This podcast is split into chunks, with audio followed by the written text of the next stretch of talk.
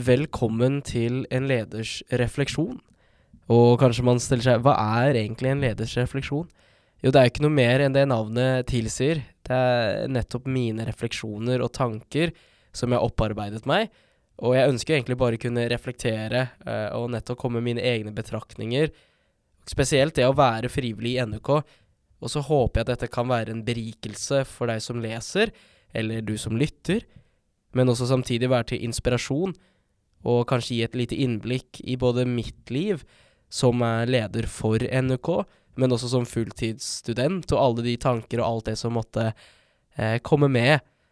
Så vil jeg bare først og fremst takke deg for at du har lyttet så langt, eller lest, eller hva nå enn du gjør, og håper at denne reisen jeg ønsker å ta deg med eh, gjennom denne perioden som jeg sitter som leder, både er litt spennende, berikende, og den kanskje får deg til å gjøre noen tanker. Så får man vel egentlig først og fremst si velkommen. Og dette er forhåpentligvis den første av mange refleksjoner som jeg ønsker å dele med dere, eller deg. Dette er både noe nytt og, og, skremmende for meg, for jeg har aldri vært en som ønsket å dele mine tanker med andre. Eh, som noen kanskje vet, jeg har prøvd å holde ting litt eh, inne for meg, og eh, være litt sånn litt skjult, da. Så dette er både et forsøk på å være litt mer sårbar, men også la meg lære å dele. Og for dere som kanskje ikke kjenner meg, så kanskje det er greit å starte med en grei introduksjon. Eh, mitt navn er Martin Ngoyung, eh, som er et veldig vanlig navn i NUK. Jeg er 22 år gammel, og jeg er student ved NTNU i Trondheim. Og ja, jeg sitter som leder for NUK. Og akkurat dette, disse tankene her skrev jeg når jeg satt på et fly hjem til jul. Jul 2021. Og det å sitte på fly fram og tilbake fra Oslo og Trondheim, det er noe som ble veldig vanlig for meg lite, i 2021. Et lite frampek. Mens jeg prøver å avslutte dette året eh, og tenke på på en måte det kommende året, altså i 2022, så har det virkelig fått meg til å innse at det har vært mye som har skjedd i 2021. Og en liten oppsummering om hva som har skjedd, har vel aldri skadet noen. Så 2021, det har absolutt vært et annerledes år koronapandemien er fortsatt veldig i live. Og i skrivende stund så er det frykten for omikron, som er den varianten som er økende nå. Det er jo masse forskjellige varianter nå, så når dette kommer, så vet jeg ikke helt hvilken variant som er der, men foreløpig så er det omikron. Og selv med pandemien så har det faktisk vært veldig mye tider med vanlig aktivitet, spesielt i NOK, da. I 2021 så har det vært både Det har vært et krevende år, det har det absolutt vært. Eh, men det har vært mye som har skjedd, og det må vi huske. Og det startet jo som Året startet jo som mange år. Det startet med den første måneden januar.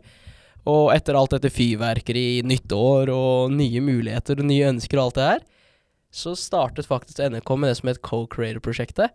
Som var et kompetansehevingprosjekt med et formål å øke og fremheve kreativ tenkning og hvordan bruke de digitale verktøyene for å leve ut Kristi misjonsbefaling.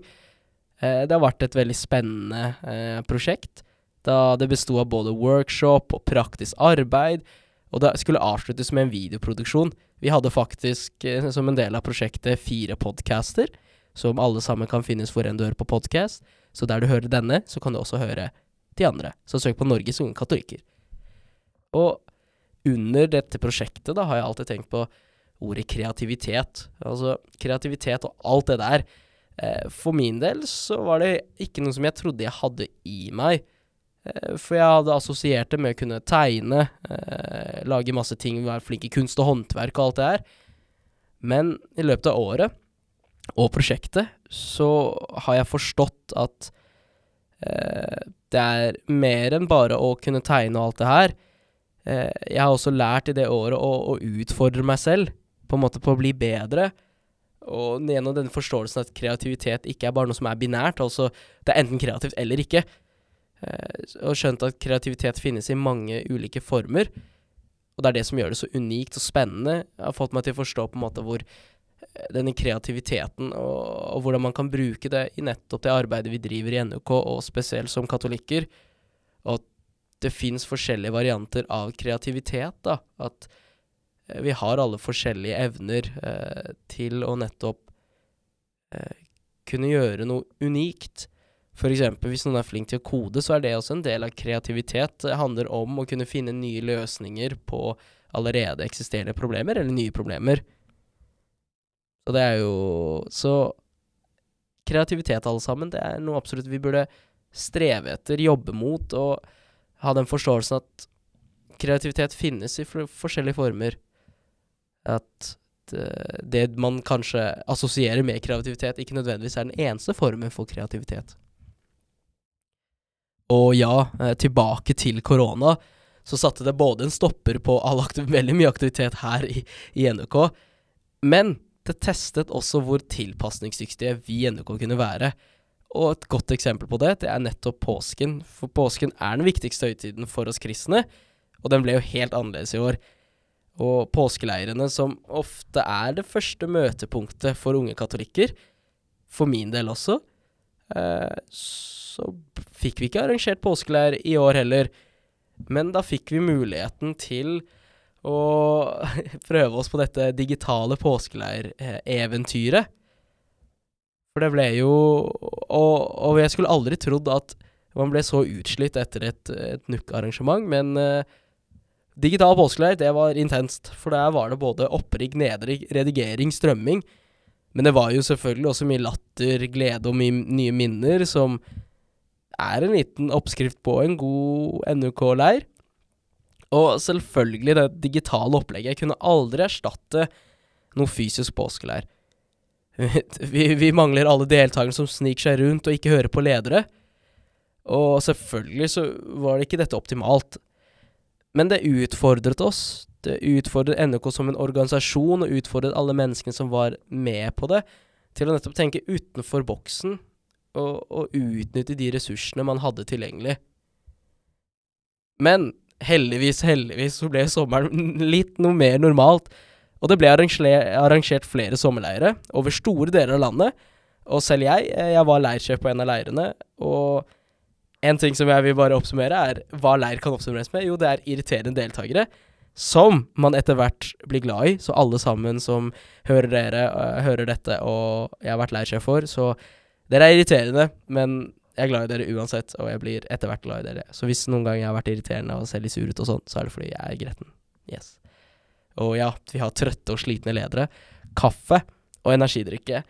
Men det aller viktigste, og som jeg vil sette punkt på, det er fellesskapet. For fellesskap, det er noe som for mange er nettopp en inngang til den troen vi har, og gir en bedre forståelse enn det man eventuelt får ved å bare dra til messen og høre på prekene, for det kan ofte være litt kjedelig og lange og veldig uforståelige. Og hvis det er noe som jeg har lyst til å ta med fra den perioden jeg har vært i NUK, eller i hele perioden jeg sitter nå i NUK, det er nettopp det fellesskapet. Og i sommeren, eller rett etter sommeren, så er det et veldig stort høydepunkt, iallfall for min del, som er landsmøtet og der ble jo jeg selvfølgelig valgt, ikke selvfølgelig, men det var da jeg ble valgt til leder for NRK. Og ledervervet er noe som jeg tidligere har lengtet etter, men jeg gjorde det litt av feil grunner. For det, for min del så var vervet bare den høyeste posisjonen man kunne få. At det var liksom der man skulle strekke seg etter, å være på toppen. Det var det jeg ville ha da jeg, da jeg drømte om denne Drømte om denne eh, Dette vervet. Men jeg håper, og, og, jeg liker å tro at i dag eh, At jeg har modnet og vokst lite grann. For da jeg stilte denne gangen til leder, så var det ikke plutselig et ønske for min del, men det var et heller ønske for medlemmene, da, for organisasjonen. At jeg tenkte at etter korona så kanskje var det riktig tid for at jeg skulle prøve meg som leder. For jeg hadde alle disse tankene mine, visjoner og drømmer, og alt det her som kanskje var noe eh, NUK trengte etter en periode eh, med litt stillhet fordi korona satte en stopper for det. Og det å være leder, det er ikke å ha en høy posisjon å være over noen, men det er et tillitsforhold. For det jeg ønsker å være, det er ikke å være en sjef. For jeg vil ikke sjefe over noen. Men jeg ønsker å lede. Altså være en leder, og lede spesielt gjennom eksempel. og ønsker å ta opp en, eh, en kul Eller en som jeg veldig liker å høre på, da. En som heter Simon Sinek, som sier dette nettopp om lederskap, da. At leadership is not about being in charge. Leadership is about taking care of those in your charge. Så nettopp det at eh, det lederskaps... Og det å være leder, det er et tillitsforhold. Og det er en modningsfase, tenker jeg. Jeg er veldig glad for at jeg har kanskje vokst og modnet litt, og tenkt litt, litt mer om det nettopp være leder, og ikke bare være leder for organisasjonen i seg selv, men det å være så utvalgsleder, sitte på leder på leir og alt det her, at det er nettopp det tillitsforholdet. At du har eh, ansvaret for de som er under ditt lederskap. Ikke sant? Og ja. Og selvfølgelig, nå skal jeg ta en spennende U-sving, eller alt det her november-desember måned, vi, vi, fast forward. Og det er jo ikke bare preget av kulde og mørke. Men for mange så er det også eksamensperioden, som også egentlig er litt kulde og mørke.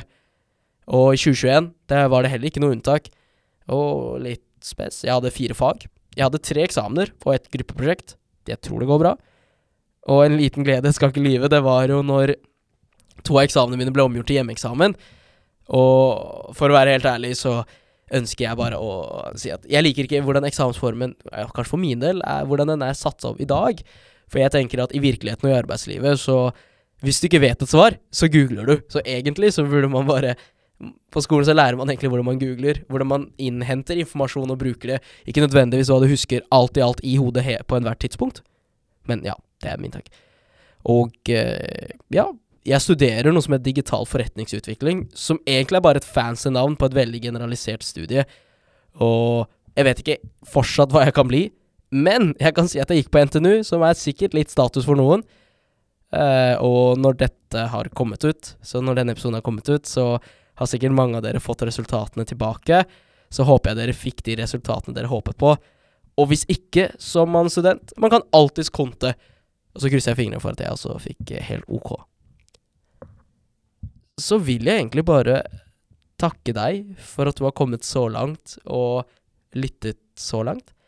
Og så håper jeg noe av det jeg har sagt, kan være interessant, og at du ønsker å fortsette med meg i denne reisen som leder for Norges ungkatolikker, og være med på alle både mine oppturer og nedturer. For en reise, den er veldig kjedelig alene. Og så ønsker jeg bare å avslutte med å si at jeg heier på deg. Og heier på alt det du driver med, og det du ønsker å oppnå. For det klarer du.